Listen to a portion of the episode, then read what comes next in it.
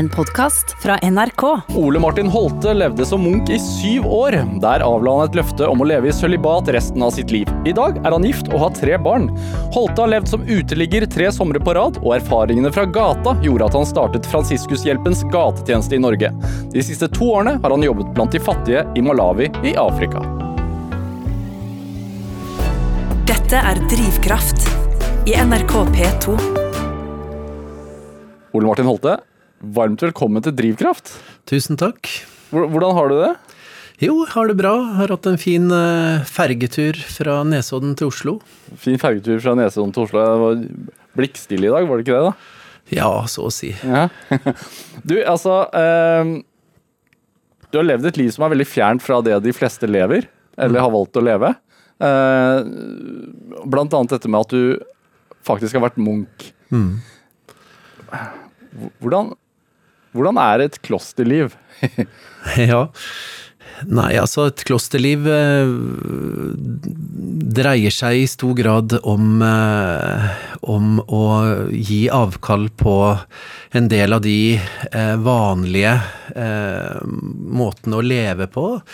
Blant annet så avgir vi, eller avga vi, de, disse tre klosterløftene om fattigdom, lydighet og sølibat. Og fattigdom forsto vi som enkelhet. Jeg hadde eh, alle eiendelene mine i to kofferter. Eh, lydighet forstås som det å lytte, altså å lytte til oss selv, til andre, til naturen, til Gud. Og prøve å finne Med andre ord ikke si så mye. Ja, det er vel den ideen som kanskje filmer og, og en del eh, bøker har lagt opp til, og, og det er for så vidt noe sannhet i det, men det fins forskjellige typer klosterordener ut fra hvem som startet de opp. Eh, men den jeg tilhørte, ble startet av Frans av Assisi fra Italia, og, og det var en utadrettet eh, klosterorden som eh, i større grad identifisert seg med mennesker i marginale posisjoner og jobbet for de. Ja, altså I, I dag er det jo uh, en helt, helt vanlig mandag, holdt jeg på å si. Du, du sto opp hjemme på Nesodden og spiste frokost. Uh, leverte unger kanskje på skole, og så tok du ferja inn hit. Hvordan, var, uh, hvordan var en helt vanlig mandag i klosteret? Ja, altså som oftest så startet vi rundt eh, halv syv-tiden med en eh, morgenbønn. Kanskje også med påfølgende Men, messe. nå, altså, ble, blir man vekket, eller? eh? Nei, vi hadde vel eh, egne enten eh, klokker eller mobiler til å våkne av. Men det, ja, du har for så vidt rett i noen, noen av klostrene. Jeg har jo bodd i flere klostre rundt om i, i Europa. Så, så var det også en sånn eh, felles eh, gong-gong eller klokke. Så man kan ikke ligge og dra seg. Ja, du kan jo, men eh, ja. Det Hva, var et hva skjer da hvis man forsover seg? Unnskyld at jeg spør. Eh, Ja, ja, ja. Nei, det skjer ikke så mye annet enn eh, en liten unnskyldning, som kanskje fra min side, da. Ja. Så, men eh, apropos det, det er for, så vidt interessant, fordi jeg eh, det, mm, Man kan fort merke eh, energien f.eks. i kapellet, om det er én eller to eller fem som er fremmøtte, og, og, og konsentrasjonen om det, det vi gjorde, om, om bønnen, om sangen. Og at eh, dette forsterker seg når, når alle er til stede. Så det, det, det har jo en betydning, men eh, det har også min, ja, mindre betydning om man forsov seg en gang eller to. Men, men tilbake til, altså det begynte med en morgenbønn klokka sju. Ja. Og så, hvordan, Så- var dagen, liksom? Felles frokost. og Hva, hva spiser man i kloster? Unnskyld, nå, jeg er veldig nysgjerrig. Jeg syns dette er veldig spennende. Ja, ja. Ja. Nei er Ganske normalt, ganske vanlig ut fra, fra landet, kulturen du, du er i til enhver tid. Egg og bacon, liksom? På en, I en helg, ja. Ja. Og så ellers eh, Da jeg bodde i Norge, så var det vanlig frokost med brødskiver, kaffe, te, melkjus. Så det var ikke så veldig veldig annerledes sånn, men eh, kanskje til middager så forsøkte vi å holde ikke for mange kjøttmåltider i løpet av en uke, og så var det kanskje at vi eh, tok i litt mer på søndag, hvor vi feiret oppstandelsen. Ja. Og, og, men er det da eh, et rutinepreget liv? Ja, på, på en måte så er det det, fordi disse tidebønnene, som gjelder for alle klosterordener innenfor den katolske kirke, det er ti, tidebønner, altså bønner for enhver tid. Det er bønnetider som rammer inn hele dagen, og det, da møtes vi i kapellet. Og mellom disse bønnetidene så er vi f.eks. ute og jobber eller underviser eller Ja. eh, betjener en menighet, f.eks. Og når er de tidspunktene? Sju og Ja, syv, eh, halv syv, syv. Da er det laudes, altså morgenbønn. Og så er det en annen bønn ved tolvtiden. Det er ikke alltid man rekker tilbake til det. Og så kommer det en eh, kveldsbønn, vesper. Altså vespersang er jo for noen et kjent begrep, eh, også i norske kirke. Og så er det kompletorium, som er nattbønn ved åttetiden. Og i noen klostersamfunn så står de til og med opp på natten setter på eh, ringeklokka og står opp, og så ber nattbønn, og så går de og legger seg igjen. Men det er mer de kontemplative klosterordnene som ikke skal ut og jobbe eh, i samfunnet dagen etterpå, som, eh, som har en litt mer streng eh, ja, ordinans, da, som Ja. vi kaller det. Når du sier jobbe, hva mener du da? Nei, eh, det kan være helt, eh, helt vanlig type jobber. Altså undervise på en skole, jobbe i et fengsel, jobbe i en menighet. Eh, Jeg bodde blant annet tre og et halvt år av eh, min klostertid i Brussel.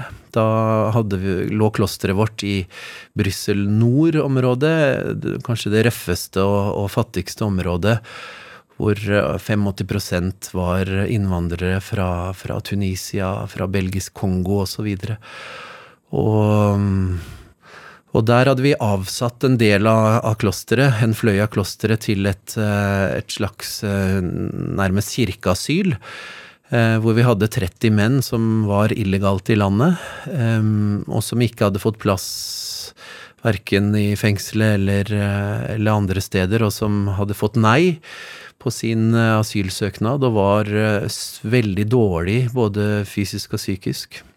Så det vi gjorde da, var å gi de tre måltider om dagen, en seng og noe aktivitet. Blant annet så ledet jeg et, eh, et en maleaktivitet eh, hvor vi satte oss ned bare med store ark og fargestifter og, og prøvde å prate over en kopp kaffe og uttrykke hvordan vi hadde det, og utrolig nok så med tid og tålmodighet så, så begynte disse, for dette var bare menn, eh, disse mennene å farge og tegne, og praten løp, og, og var egentlig en ganske fin, eh, fin opplevelse. Så det, det kunne være dagens arbeid, for eksempel. Ja, Mer nestekjærlighet enn forkynning, rett og slett? Ja, veldig lite forkynnelse eh, i så måte. Frans av Assisi har jo en gang sagt at eh, forkynn evangeliet om nødvendig med ord. Så det er mer gjennom praktisk handling og, og kanskje hvem vi er, eh, mer enn en hva vi sier. Ja. Eh, holdt du må bevege deg litt lenger fra mikrofonen, for det puffer litt innpå noen ganger her. Eh, Altså du, eh, Hvis jeg forstår det rett, så var det, det dette med å, å gå inn i et kloster og bli munk og sånn, det var noe du bestemte deg for da du var sånn rundt 20 år? Ja. Hva, hva i alle dager skjedde? Ja. Um, nei, jeg har hatt hele livet en, en eh, nysgjerrighet på en sterk eh, lengsel etter å eh, prøve å finne ut av, undersøke hva det religiøse, det, det åndelige er Altså, i for, altså, livet. du, er, du, er, du er fra Fredrikstad. Ja, Eh, Kråkerøy. Altså, kom, kom du fra et uh, religiøst hjem, eller kommer du ja, altså mine besteforeldre på begge siden hadde jo eh, en tro, gikk i kirken eh, mer eller mindre. Mine foreldre gikk vel ikke i kirken annet enn på de forpliktende dagene som jul og påske og sånn, men var positivt innstilt til det. Så det var ikke sånn at jeg vil definere at jeg kommer fra et spesielt religiøst hjem. Men for meg så har det vært en det har på en måte bare lagt i meg, eller jeg har fått noen drypp her og der, kanskje. Og så har jeg vært eh, genuint nysgjerrig på eh, Er det noe mer enn bare det vi ser? Altså er eh, Ja. Og, og det har jo Hvem var du som 19-åring, da, tenker du, før, før du Før jeg Ja, begynte å, å vurdere å konvertere eller å gå i kloster. Ja. Nei, jeg tenker at mange vil eh, ha oppfattet meg som en ganske normal, vanlig eh, tenåring. Eh, og jeg hadde da allerede jobbet to og et halvt år for eh, KFUK, KFM og Norske kirke med barne- og ungdomsarbeid. Eh, så jeg var jo liksom tungt inne i liksom den kristne ramma på mange måter. Men jeg visste selv at nysgjerrigheten var mer enn bare den kristne troen. Det var på en måte de store eksistensielle spørsmålene i seg selv. Hvem, er vi, hvem er vi, hvorfor er vi her?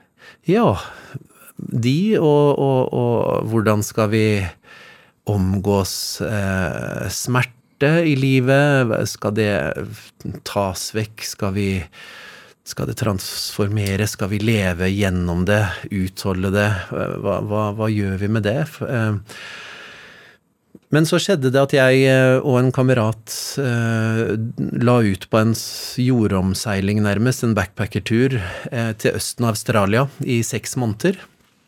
Og vi endte opp på siste del av reisen i Australia. Der eh, skilte vi lag noen uker eh, fordi vi hadde lyst til å gjøre litt forskjellige ting. Så jeg haiket med et par i en sånn liten folkevognbuss. Og, og på et tidspunkt nord for Perth, på vestsiden av Australia, så så jeg et stort kirkespir i det fjerne. Og plutselig så kjente jeg på en dragning.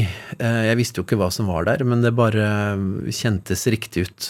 Så jeg ba om at de kunne stoppe bussen utenfor, og så sa jeg ha det, og så banket jeg rett og slett på, på det som jeg etter hvert skjønte var en klosterdør, og spurte om jeg kunne komme inn, og disse brødrene som da var i fastetiden, de tok meg inn sammen med noen andre gjester som allerede var der, og vi ble plassert inne i refektoriet, altså spisesalen, og satt i midten, mens disse brødrene satt med ryggen mot eh, veggen og på en måte så mot oss. Og vi fikk servert liksom, det beste ferske brødet, ost, vin, eh, mens de andre nærmest ikke spiste noe som helst. Og det var jo da fordi de var i fastetiden, men, øh, men til oss gjestene så ga de på en måte det, det fineste de hadde.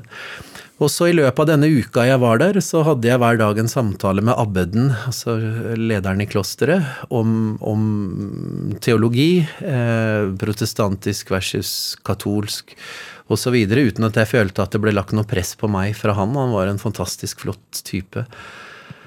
Og på slutten, før jeg skulle dra derfra, så var det en annen kvinne som var på retrett, eller retreat, og hun ga meg da en bok om Frans av Assisi. Og jeg hadde nærmest ikke hørt om Frans før, og så begynte jeg å lese, og så sa det på en måte pang, eh, og jeg ble truffet av en livsstil og en, en spiritualitet, altså en måte å leve ut troen på som eh, eh, jeg ikke hadde vært i nærheten av før, og kjente bare at dette lengter jeg etter, dette har jeg lyst til, dette vil jeg. Og da begynte jeg på en måte å orientere meg mot katolske kirke, for jeg trengte jo å, å konvertere for å kunne bli fransiskanermunk. Og så etter hvert eh, kontaktet jeg fransiskanerbrødrene i St. Halvard kirke på, på Enerhaugen i Oslo. Og fikk eh, mulighet til å starte opp eh, der, da. Men altså, eh, Frans av Assisi, for de som ikke vet det, en eh, munk som eh, levde i Assisi i Italia eh, for eh, ja, Når var dette? her? 1200-tallet eller noe sånt? er det ikke? Jo, stemmer. Og populært kalt tiggermunken. Ja. Ja. Og, og en, en munk som vel eh, omfavnet de fattige og spedalske på en måte som ikke hadde blitt gjort før. Var, er, er jeg helt ute på viddene nå, eller er det sant? Nei, det er, eh, er eh, ganske riktig det. Altså det Det fantes jo klosterordener i Europa allerede før Frans. Ja. Men eh, i stor grad så var det klosterordener som, som var ganske rike, hadde stor eiendom, og, og hvor de fattige kom til deres kirker, til deres eh, store bygninger, for å gå, gå til messe eller for å be om mat osv. Eh, men Frans av Assisi sitt kall var å gå den motsatte veien og, og gi avkall på en måte på eiendom. Så som den første klosterorden i den katolske kirkes historie, så fikk de det som het fattigdommens privilegium fra Roma. Hvor eh, de fikk lov å leve uten eiendom, altså i all enkelhet. Så de bodde ute i falleferdige skur, i grotter, i skogen. Eh, og, og, fikk lov å tigge som eh, sitt livsopphold. Men det var ikke slik at de gjorde det nødvendigvis på bekostning av andre. De forsøkte å gi noe tilbake, enten ved, gjennom forkynnelse eh, den gang, eller også ved å hjelpe til en dag på, på, på jordet og høste inn eh, korn eller andre ting. Og gjøre litt sånn praktiske ting. Men, men altså, jeg tenker sånn, Når man er 19-20 år og reiser på backpackertur i, i Australia så og, og ja, De fleste som gjør det, er, gjør det kanskje litt for å finne seg sjæl, men også for å leve ut liksom Nå er jeg endelig voksen, nå skal jeg gjøre hva jeg vil i et halvt år. Mm. Og så finner du et kloster, og så tenker du nei, nå skal jeg gå i et nå, munk, nå skal jeg bli munk. Mm. Det er eh, Det er ikke så vanlig. Nei. Hva er det som var Altså, hvor, hvor kom dette, dette, altså denne søken etter, eller hva var det du tenkte sånn Ja, det er svaret for meg? Mm. Nei, det er et, et, veldig godt spørsmål. Jeg vet eh, ærlig talt ikke om jeg klarer å svare på det. Jeg har jo ofte Du visste jo at du måtte gi avkall på det meste du kjente fra før? Ja da, jeg gjorde det. Men på den tiden så kjentes dette andre så mye mer eh, forlokkende og riktig og i tråd med hvem jeg ønsket å være. Hva var dette andre, da? Nei, altså, Frans av Assisi eh, sto, og fremdeles står, eh, for meg som en person som eh, på den ene side omfavner eh, de fattige. De fattige er bare en benevnelse på mennesker som, som eh, lever på et annet eh, plan i samfunnet. Altså marginaliserte mennesker som, som du var inne på, som de spedalske, som ikke, ikke vi ønsker å ha i vår midte, som ikke vi tør å møte, som ikke vi vil møte, som ikke vi klarer å møte. Ehm, for meg så ligger det et eh, noe, noe, verdifullt og uoppdaget i de møtene. Um, at ved å tørre å gå inn der, så møter jeg også min egen spedalskhet på en eller annen måte. Og jeg møter noen ganger de sidene ved meg selv som jeg ikke tør å se på eller ta tak i, eller eh, er stolt av eller er flau for tilkortkommenheter. Var det ting du hadde følt på før også, du gikk inn i Hæ? Var det ting du hadde følt på før du valgte å, å gå inn i klosteret? Ja, jeg tenker det. Eh, og samtidig så tenker jeg at det har vært slik i livet mitt at det nok kan være mange ting jeg har latt meg drevet til, eller eh, forfulgt, som ikke nødvendigvis har vært så høyt oppe i bevisstheten, men som har lagt der allikevel som en som noe som jeg har hatt lyst til å, å finne ut av, og, og, men som ikke kanskje har vært stått helt klart for meg. Men, men det har vært mer en, en fornemmelse, en magefølelse, en intuisjon på at går jeg hit, så, så ligger det kan, kanskje en uh, uoppdaget perle i, på slutten av veien. Var det, var det en flukt også? Ja, det har jeg jo stilt meg selv eh, spørsmål om eh, flere ganger. Eh, men jeg tror at jeg kan eh, si at eh, i det store og hele så var det ikke det. Eh, det var en søken mot noe. Men så klart, det å, å, leve i kloster, selv om jeg hadde bare to kofferter med alle tingene mine, og det var jo fantastisk deilig, så kunne det også av og til kjennes ut som nærm, Nå har ikke jeg gått på folkehøyskole, men litt sånn eh, at alt er på en måte rigga for et, et enkelt liv. Ja. Og det skal det også være. på en måte. Det er jo Rutiner og Ja, og kommunitet eh, fra ja. det latinske communio, altså å delaktiggjøre seg i noe felles. Det, det mm, Behagelig underkastelse på et vis, da? Ja, jeg vil ikke si at det er en underkastelse. Jeg vil si at det er et bevisst valg om å Eh, leve sammen med andre. Og er det noe som har vært vanskelig i disse syv og et halvt årene jeg var i kloster, så er det jo det å, å leve med mennesker du i utgangspunktet ikke har valgt. Og det kunne være mennesker som var like gamle som bestefaren min, som faren min, eller kunne vært en bror. Eh, med helt andre interesser eller ja, kjemien. Så, så det er jo en øvelse i tilpasning og kommunis kommunikasjon osv. Er det noe fellestrekk eh, for, altså for dem som velger et sånt liv, tenker du? Ja, altså jeg tenker at eh, for å klare det, så, så, må du ha en ganske sånn sterk individualitet, da. Så være litt individualist, selv om du søker det som er felles. Det høres kanskje litt rart ut. Ja. Jeg tenker at du At for de fleste av oss som var der, så så var det en del ting vi ikke var villige til å kompromisse på, eh, og, og, til å eh, Ja. Så, så det, er, det, var jo mange sterke og flotte personligheter sånne, som hadde blitt berørt på et eller annet sted i livet. Eh, og, og, og, så apropos drivkraft, så, så, så var det jo en en um, inspirasjonsdrevet, et, et, inspirasjonsdrevet fellesskap, da. Det var jo ikke et fellesskap som var drevet av at nå skal vi tjene penger, eller nå skal vi eh, bli kjent, eller nå skal vi Selv om det er greit, det. Men, men det var andre ting som, eh, som drev oss. Ja. Hva savnet du mest i løpet av de sju årene, da? Fra, fra ditt forrige liv, holdt jeg på å si? Ja, ja. Mm.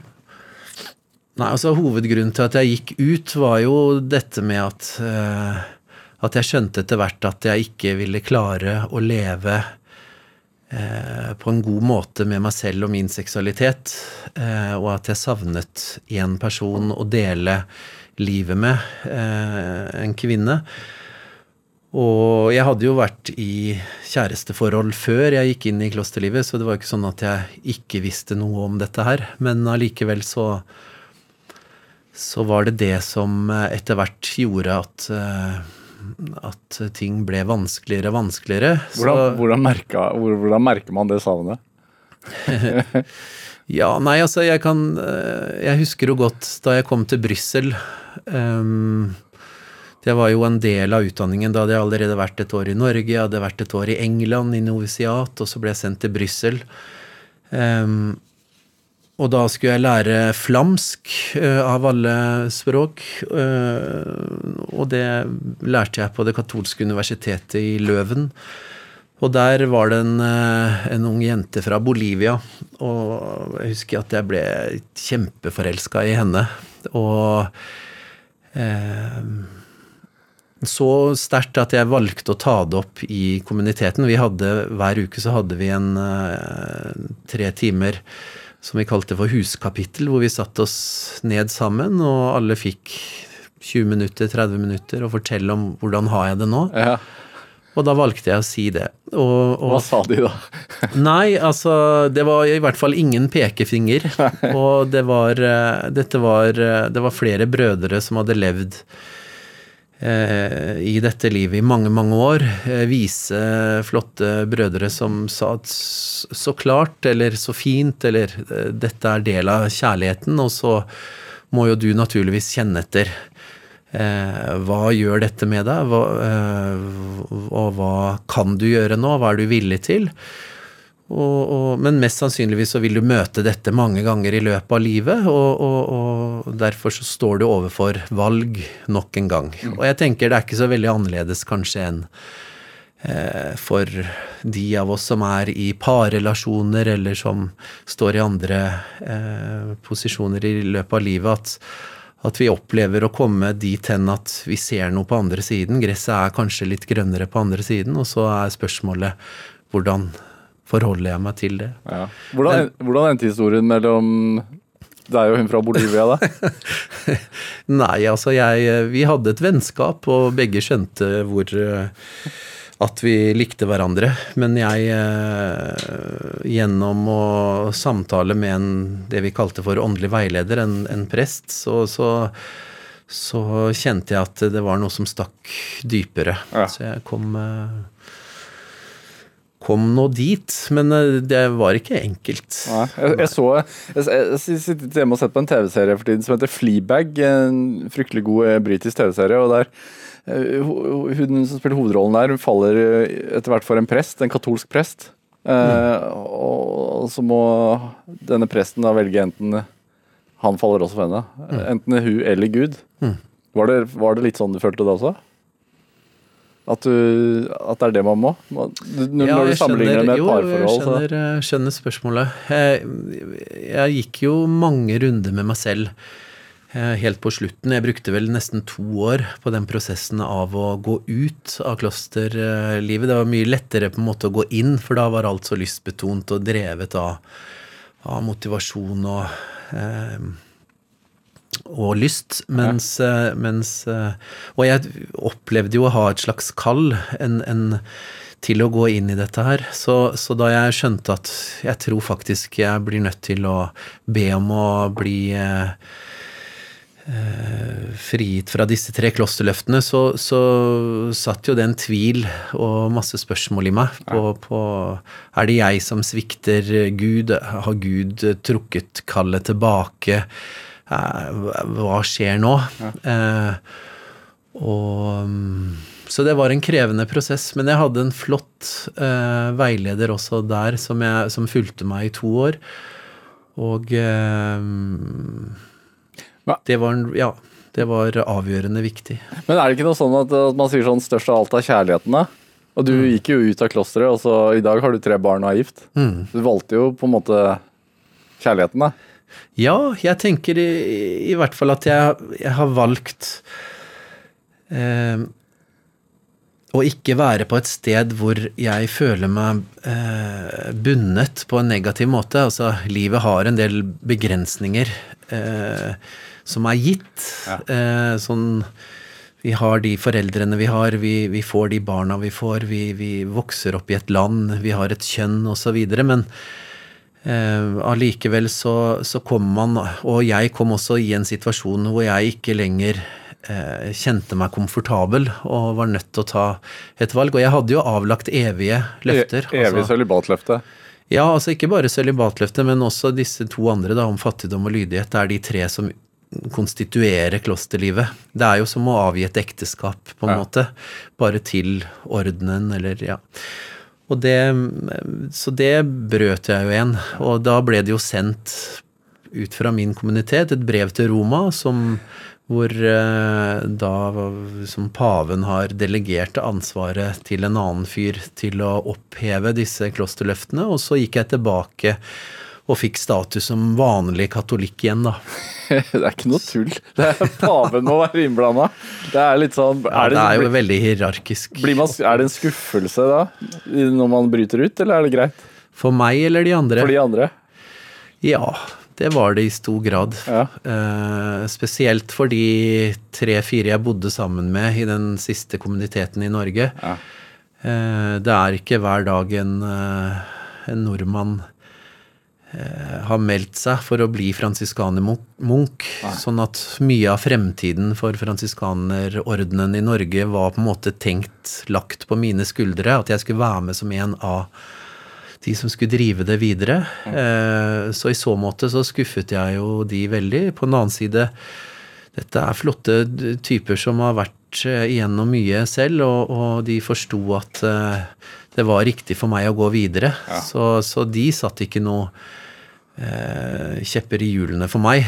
Og også i menighetene som jeg hadde vært, så var det jo mange som som eh, ble litt usikre, fordi jeg hadde vært i mange dialoger og samtaler, og folk hadde åpnet seg og fortalt ting og tang, ikke sant, og så plutselig så var jeg i en annen status, Ja. hvor på en måte den tau- taushetsbelagte biten trodde kanskje de ikke lenger gjaldt, selv om den gjaldt for meg. Så det, det Ja, jeg fikk en del eh, tilbakemeldinger som var eh, var ubehagelige, men mye støtte også, så begge deler. Hvordan var første dag eh, som ikke-munk? Du, det husker jeg ikke, for å være ærlig. Det, det- å, nei, det, var sikkert, det var sikkert bra. er, det, en grunn, er det en grunn til at du har fortrengt dette? Det, jeg vet ikke. Ut av kloster. Jeg Har glemt den dagen, si. Nei. Men altså er det Kan du si noe om det? For du var uh, avla sølibatløftet og var syv år, over syv år i kloster. Og så i dag er du gift og har tre barn. Altså den første liksom forelskelsen da i, Og det første liksom kysset med kona di, hvordan, hvordan var det? Unnskyld at det er så privat, men det Ja, nei, altså det var jo veldig sterkt å møte henne, da. Eh, men det gikk jo Det gikk vel eh, kanskje halvannet år eller noe sånt før, etter at jeg hadde trådt ut før jeg møtte henne. Um, så Så det var jo igjen en ny opplevelse av å, å komme hjem, da. Må man ut i samfunnet igjen på nytt, liksom? Litt? Ja, litt. Ja. Men um, Men jeg hadde jo vært i samfunnet, egentlig, følte jeg hele tiden. Så Ja. det var ikke noe sånn uh, innenfra og ut, egentlig. Det var mer uh... Har du angra? Nei, jeg har ikke det. det er, jeg får det spørsmålet stadig vekk, eh, og noen lurer på ja, ja, men da kunne du ha fått eh, kone og barn mye tidligere. Og, men eh, ja, hvorfor det? Altså, jeg har levd nært og i en setting som har betydd så mye for meg, og, og, og jeg ville aldri på en måte ha har latt være å, å erfare disse tingene. De har vært kjempe, kjempefine erfaringer. Og jeg savner jo også noen, noe av dette her i dag, sånn som å ha avsatt tid til stillhet, til bønn, eh, og dette enkle, enkle livet. Så det, mm, det er litt sånn både og, det der. Det er ikke bare enkelt med hus, hytte og Volvo, si. Nei. Dette er Drivkraft med Vegard Larsen i NRK P2. Og i dag er Ole Martin Holte, som er kjent for bøker om livet på gata, og som har brukt store deler av livet på å hjelpe de fattige her hos meg i Drivkraft. Altså, vi har snakket om din eh, forhistorie som Munch. Eh, en annen ting som du har gjort, eh, er at du har tilbrakt tre somre som frivillig uteligger eh, i både Oslo og København. Eh, og, og du har skrevet bøker om dette her. Eh, i, I boka de, som bare heter 'Uteligger', så, eh, som kom i 2012, eh, hvis ikke jeg hadde feil, så beskriver du hvordan du tar av deg dine vanlige klær, og så kler på deg uteliggerklærne. Hva, altså Hvorfor ville du gjøre dette her? Hva, hva, hva Kom dette her fra dine erfaringer fra kloster, eller hva var grunnen til at du ville oppsøke gata på denne måten? Ja, det høres kanskje litt sånn rart ut og ut som en sånn etterap, men eh, ja, en inspirasjon var, var igjen fra Frans av Assisi. Frans var sønn av en rik eh, handelsmann i Italia. Eh, og de handlet med, med, med tøy, med materiale fra Flandern, fra Frankrike. Og, og men så hadde Frans en, en omvendelseserfaring, og etter hvert så endte han jo opp med eh, å leve eh, blant de spedalske, blant de fattige.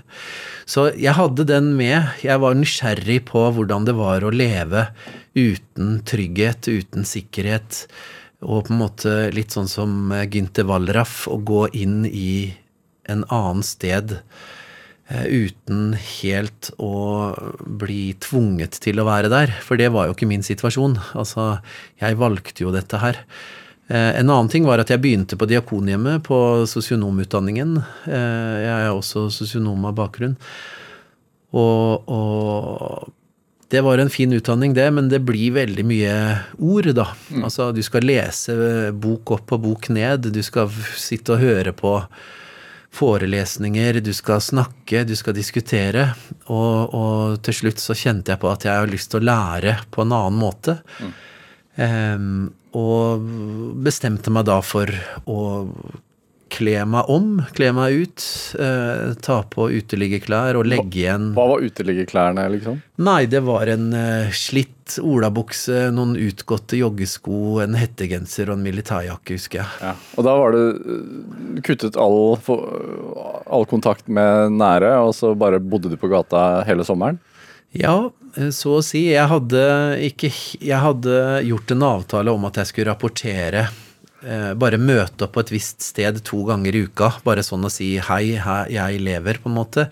Og, og, hvis jeg ikke gjorde det, så skulle den personen jeg hadde avtalen med, forsøke å se etter meg i byen. Eventuelt hvis ikke ble funnet, så var det å kontakte politiet. Hvor sov du, da?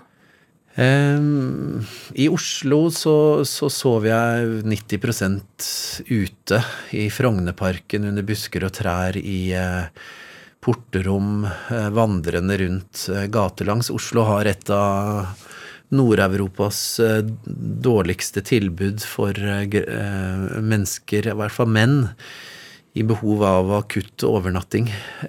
Sånn at det er ganske vanskelig å finne seg et sted Eh, sånn uten videre, hvis du trenger, eh, trenger en eh, natt. Altså, hva, men altså, hvorfor jo altså, hva, hva, ønsket du å, å, lære av dette her, tenk, tenker du? Nei, igjen så var det litt sånn som jeg var inne på i sted, at jeg, jeg, jeg tror mye var en litt sånn usagt lengsel etter å Etter et slags fellesskap ja. ute på gata. Og på mange måter så, så, fant jeg det, i hvert fall av og til. Hva slags fellesskap var det? Nei, det var jo et, et fellesskap eh, kanskje mest rundt de sidene av oss der vi ikke får til ting, eller der vi ikke kjenner oss vellykka eller sterke, osv. Og, og er, jeg har jo hørt utallige historier når jeg sitter rundt eh, frokostbordet hos Frelsesarmeen i Urtegata med liksom 120 andre besøkende. Og de forteller om hva som gjorde at de endte opp i rushelvete, eller um, og, og, og, min erfaring er at det er på en måte så kort vei mellom et dårlig ord, suksess og nederlag, at, at det kan ofte se ut som det bare er tilfeldigheter som gjør at vi ender opp her eller der. Så jeg har stor respekt for Eh, menneskers eh, forskjellige liv. Jeg syns ikke det er noe heldig for de som lever på gata, for det er så krevende. De fleste vil jo ikke leve der, selv om kanskje noen vil si det sånn med rene ord, men det kan også forstyrres av en ubehandlet psykisk lidelse eller, eller et pågående uh, ukontrollerbart rusbruk. Sånn at Eh, men kommer man på en måte tett nok på og, og, og får til en god dialog, så, så, så er jo dette her er, dreier seg for mange om, om, en flukt eller et strategisk valg for ikke å bli utsatt for en del andre kjipe ting da, i livet. Mm. Som, eh, og så prøver de å håndtere det på best mulig måte. En slags kloster, en klostertilværelse uten rammer, på et vis. men, ja, men altså men, men, eh, bare, unnskyld, altså, men jeg tenker, altså, du, du, startet jo eh, opp etter hvert Fransiskushjelpens gatetjeneste i Norge. Mm. Uh, var det på bakgrunn av erfaringene du gjorde som de, med disse somrene som uteligger? Ja, uh, det stemmer. For jeg rakk vel å å gjøre to av de, tror jeg, mens jeg fremdeles var under utdanning på Diakonhjemmet. Og så trådte jeg ut av klosterlivet, og så gjorde jeg ett til i København, da. Mm. Så, så, disse møtene har jo vært med på, og, og, min erfaring Fordi jeg fortalte aldri hjelpeapparatet hvem jeg var. Eh, jeg eh, var som om jeg var en av de andre. Og, og, jo lenger jeg var på gata, jo mer reelt ble det jo. Altså skillet mellom meg i rollen som undercover uteligger og en reell uteligger ble jo mer og mer utviska, selv om det ble aldri likt. Men jeg ble jo mer sliten fysisk, mer sliten psykisk, og, og etter hvert som jeg var der lenge, Eh, mens eh, overfor de på gata selv så hendte det at jeg kunne dele noe av, eh, av hvorfor jeg var der, og hvem jeg var. Hva er de, hva er de største utfordringene? ved å leve på gata? Ja. Ja, altså for, for, min del, så, som kom inn med god fysisk og psykisk helse, som ikke skal undervurderes, så, så tror jeg dette med å, å, kjenne seg som del av storsamfunnet, eller altså ikke som del av storsamfunnet, for det blir fort et vi, dem, eller jeg, du, med et stort skill imellom. Og, og hvis du opplever det på forskjellige måter, så vil du til slutt eh, bortdefinere deg fra det menneskelige fellesskapet og begynne å leve og gjøre ting på en måte som er enda mer negativt for deg selv. Som for eksempel? Som f.eks. å begynne å stjele, som f.eks. å ruse deg enda mer. Fordi vi lengter jo etter å tilhøre. Vi lengter etter å kjenne oss som del av noe større, av andre, av relasjoner. Eh, men det er så mange mekanismer i samfunnet i dag som holder den spedalske, eller holder uteliggeren eh, nede og borte. Eh, og jeg husker en dag da jeg var frivillig uteligger, så gikk jeg fra Frognerparken. Jeg trodde jeg skulle legge meg ned for å sove, fordi det hadde begynt å regne i Frognerparken.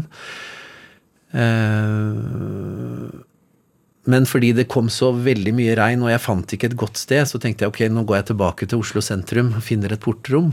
Og så på vei nedover Bogstadveien så kommer det to, eh, to ungdommer sånn i altså 18-19-20.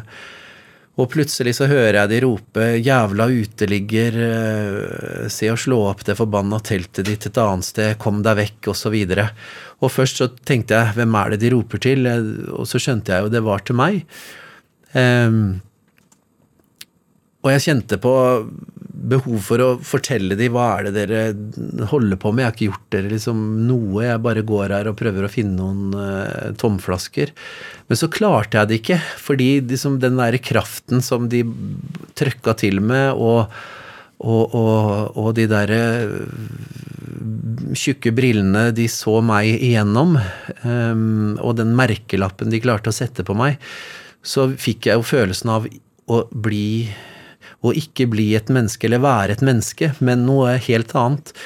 Så jeg var som om jeg slukte det på en måte og internaliserte det, gjorde det til mitt. Eh, men eh, rett etterpå så orket jeg ikke, husker jeg, å, gå videre nedover Bogstadveien. Så jeg valgte sidegater til eh, Bogstadveien. Og jeg endte opp i en sidegate Jeg husker jeg så en sånn kabriolet, sånn nyinnkjøpt et eller annet. Og den derre det selv, selvforakten, selvhatet jeg da kjente at ja, jeg er noe som andre ikke vil, gjorde at jeg begynte å spytte på den bilen. Eh, jeg hadde bare behov for å få ut noe.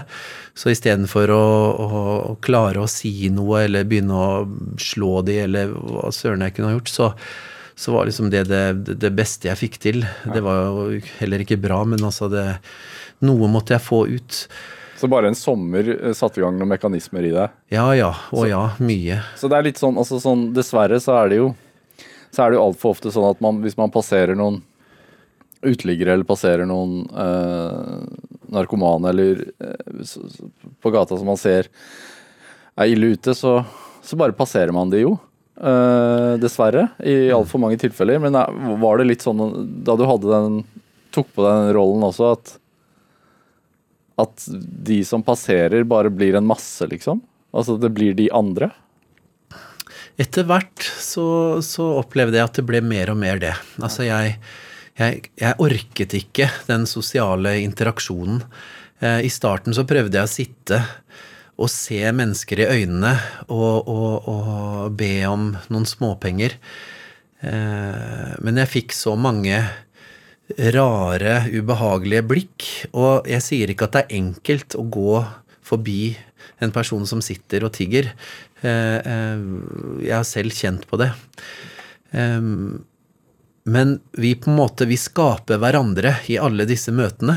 Og, og som vi sier i gestaltterapien, altså jeg blir til i møte med deg, og, og, når jeg ser forakten eller redselen i dine øyne når du går forbi eller i U-sving rundt meg, så er det med på å sementere og forsterke min opplevelse av å være annerledes eller ikke ønsket. Så det er ikke alltid det er 20-kroningen det står på. Det er, jeg husker ofte at det jeg lengtet etter en dag, det var å få et smil, eller at noen kunne bare stoppe opp og, og prate litt, ikke sant, og komme ut av ensomheten. Mens andre dager så var det kanskje at åh, nå trenger jeg en varm kopp kaffe. Jeg har ikke tenkt å bruke det til å sette et skudd, for det gjorde jeg ikke heller. ikke sant? Jeg var ikke villig til å gå så langt. Men det er også mye sånn formyndersk tilnærming til f.eks. ruspolitikk i Norge. Ruspolitikken har blitt drevet ut fra dette nulltoleranseprinsippet. At vi har trodd at vi skulle behandle alle narkomane vekk fra narkomanien sin og skape det rusfrie samfunnet. Men det har vi aldri klart, og Norge har lagt på, på pallplass på overdose-dødsfallsstatistikken nesten i alle år fordi vi ikke har klart å stikke fingeren i jorda, være pragmatiske og legge, til til, legge gode tiltak til rette mm. for de som faktisk ikke klarer å komme seg ut av rusen, og, og som uh, trenger andre typer tiltak. Og derfor så, med det som min erfaring, så Eh, startet jeg da opp eh, Fransiskushjelpens gatetjeneste med bl.a. et oppsøkende sykepleietilbud som heter Sykepleie på hjul, som var eh, og som fremdeles pågår i Oslos gater, hvor sykepleiere og, og sosionomer drar ut i en bil. Da jeg startet opp, så var det med gjennom en bobil som vi innredet med sårstellbenk. Vi fikk avtale med Oslo kommune, rusmiddeletaten, om å dele ut deres rene sprøyter for, for at folk ikke skulle få hiv og hepatitt osv. Så, videre. så det Igjen så var det på en måte bevegelsen fra Frans av Assisi istedenfor å forvente at folk skal komme til oss, til våre kontorer osv., som vi vet at folk i rus har vanskeligheter for, eller med ubehandla psykiske lidelser, så tenkte vi at vi må heller søke de opp møte de der de er, og, og gjøre tjenesten enkel og tilgjengelig. Og det fikk vi til. Av og til provoserte vi rusmiddeletaten og andre aktører ved at vi f.eks. parkerte bilen rett på Plata i Oslo. Politiet likte jo ikke det, men gjennom dialog og samtaler så ble det jo aksept etter hvert for eh, tilstedeværelsen. Dette er Drivkraft med Vegard Larsen i NRK P2. Og i dag er Ole Martin Holte, eh, som er kjent for å skrive bøker om livet på gata, som har brukt store, store deler av livet på å hjelpe de fattige her hos meg i Drivkraft. Altså, eh, Fransiskushjelpens gatetjeneste er én ting, disse bøkene dine om, om det å, å, bo på gata er en annen. Men også de siste to årene så har du, øh, du og familien bodd i Malawi i Afrika. Ja, det stemmer. også for å hjelpe fattige? Ja, i utgangspunktet så er det jo kona mi som har en stilling gjennom eh, Utenriksdepartementet på ambassaden i Lilongve, hvor hun jobber som eh, ambassaderåd for eh, utdanning.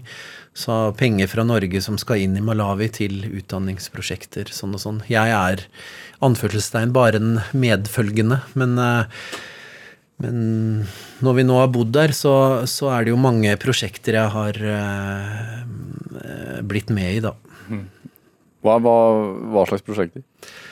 Nei, et prosjekt eh, er å, å, sitte i styret for en skole for 400 barn eh, i et sånt fattigområde, slumområde, rett utenfor der vi bor.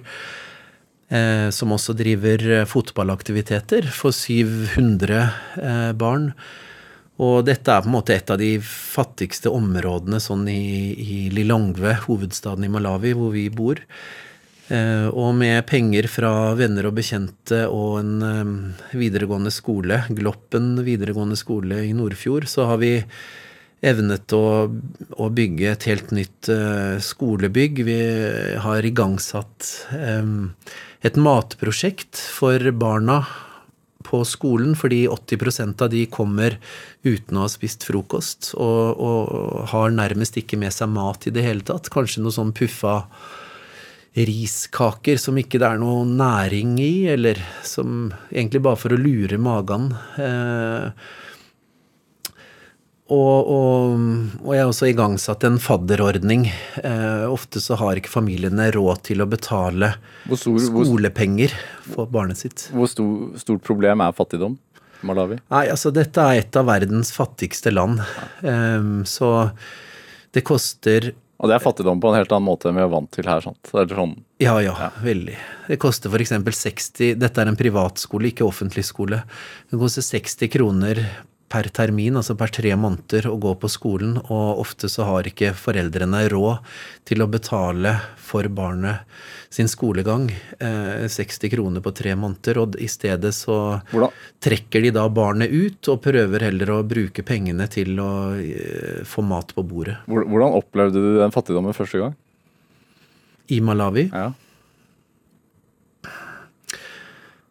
Nei, altså jeg tror først Du vet, vi som diplomater, eh, så, så bodde vi og bor vi fantastisk fint. Eh, det er jo noe helt annet eh, for oss. Altså, vi bor med svømmebasseng i hagen, med murer rundt, med vakter og hushjelp, gartner.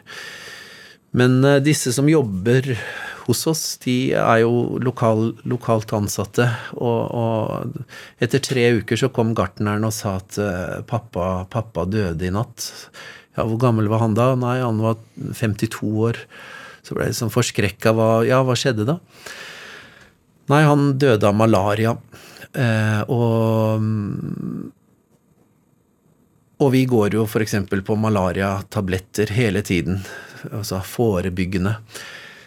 Noe som en vanlig malawier ikke har råd til, ikke har vært i nærheten av å, å, å kunne gjøre. Og de fleste blir jo syke ofte i Malawi, men så venter de helt til det siste på at de håper at dette skal gå over.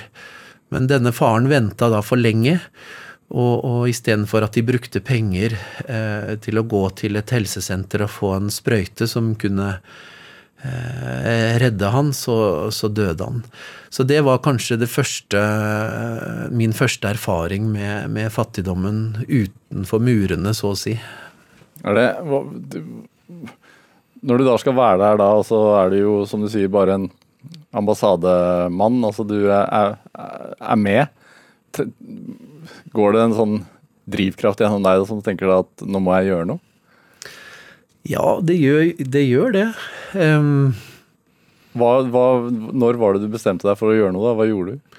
Nei, det, det var jo før vi dro, for å si det sånn. Ja. Altså, jeg visste at jeg kom til Jeg, har, jeg er sosionom, jeg er psykoterapeut, jeg er halvstudert teolog. Altså, jeg hadde så mange muligheter, og jeg, jeg liker å gjøre noe. Jeg liker å være med. Eh, og kunne bety noe eh, for andre. Sånn at eh, det var, eh, var, egentlig ikke et stort spørsmål for meg. Det var mer hvor og når og på hvilken måte. Mm. Altså, jeg sa i introen her at noe av det du gjør der, er å gi spedbarn nærhet. Ja. Hva er det for noe? Ja, det høres jo kanskje litt sånn rart ut, sært ut, men det er Det er vel, finnes veldig mange eh, barnehjem for foreldreløse barn i Malawi. Eh, mange barn som har mistet foreldrene i hiv, aids. Eh, 8% ca. av befolkningen har hiv-aids. Eller av andre grunner, at foreldrene er døde. Så på dette barnehjemmet jeg jobber, det, det drives av disse søstrene til mor Teresa, altså en annen klosterorden i, i, den katolske kirke. Og jeg jobbet med de tidligere i Brussel og visste at de, de, har jeg tillit til, de gjør godt arbeid. Så de driver et barnehjem hvor 60 barn fra fire måneder opp til seks-syv år bor. De fleste som jobber med barna, er jo lokalt ansatte kvinner, flotte kvinner, men de har egentlig ikke tid til mer enn det helt nødvendige, nemlig å skifte bleier, lage mat, mate de, vaske tøy, kle på, kanskje ta de litt ut i bakgården.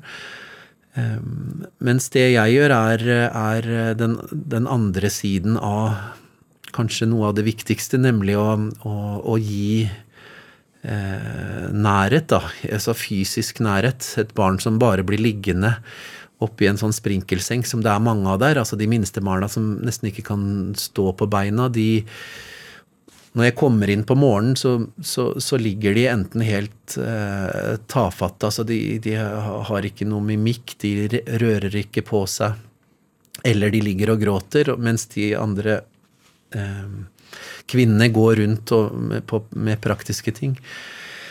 Så etter å ha oppdratt og oppdrar fremdeles tre barn selv, og, og jeg vet jo mye om, om uh, hvor viktig det er å stimulere motorikk, eh, å se barn i ansiktet, speile det osv., så, videre, så er det ganske hjerteskjærende å komme inn der en, en, morgen. Og nå kjenner jo mange av disse barna meg, sånn at når jeg kommer, så kan jeg se at så begynner armene å gå, og beina begynner å sprelle, og de vil egentlig opp. Og så må jeg ta et valg igjen, da, og velge ett barn. Mm -hmm. Og så går jeg med det rundt på meg i en times tid. Eh, tar det ut, prøver å få det til å strekke seg etter noen blader på trærne. Har det på, på, på lårene og ser det i ansiktet. Prøver å ha det fint. Og så hender det jo ofte at dette her er såpass mye eh, inntrykk at det blir, det blir trøtt, og så sovner det. Og så kan jeg legge det ned, og så tar jeg opp et annet. Så det det er eh, min eh, jobb så, der. Det er frivillig så, arbeid. Så enkelt, men likevel så viktig. Ja. Er det, altså, Ole Martin Holte, det er jo, eh, du har brukt Du er snart 50 år. Du har brukt store deler av livet på å hjelpe folk i nød. Hva, mm. hva tenker du er drivkraften din? Ganske kort der nå, for nå begynner denne timen å gå kjapt mot slutten. Ja. Nei, som jeg sa eh, litt tidligere, altså jeg blir til i møte med deg. Jeg, jeg, det er i disse menneskemøtene, i relasjonene, at jeg eh, selv blir beveget, men også kan få lov å, å, å, bevege en liten del av verden. Og det, det er det som driver meg. Tusen takk for at du kom hit til Drivkraft. Takk, du også. Hør flere samtaler i Drivkraft på nett, eller last oss ned som podkast. Send oss også gjerne en e-post. Send e-post til drivkraft-nrk.no. Produsent i dag var Kjartan Aarsand. Ellen Foss Sørensen bidro også sterkt til denne sendingen. Jeg heter Vegard Larsen. Vi høres. Du har hørt en podkast fra NRK. Hør flere podkaster og din NRK-kanal i appen NRK Radio.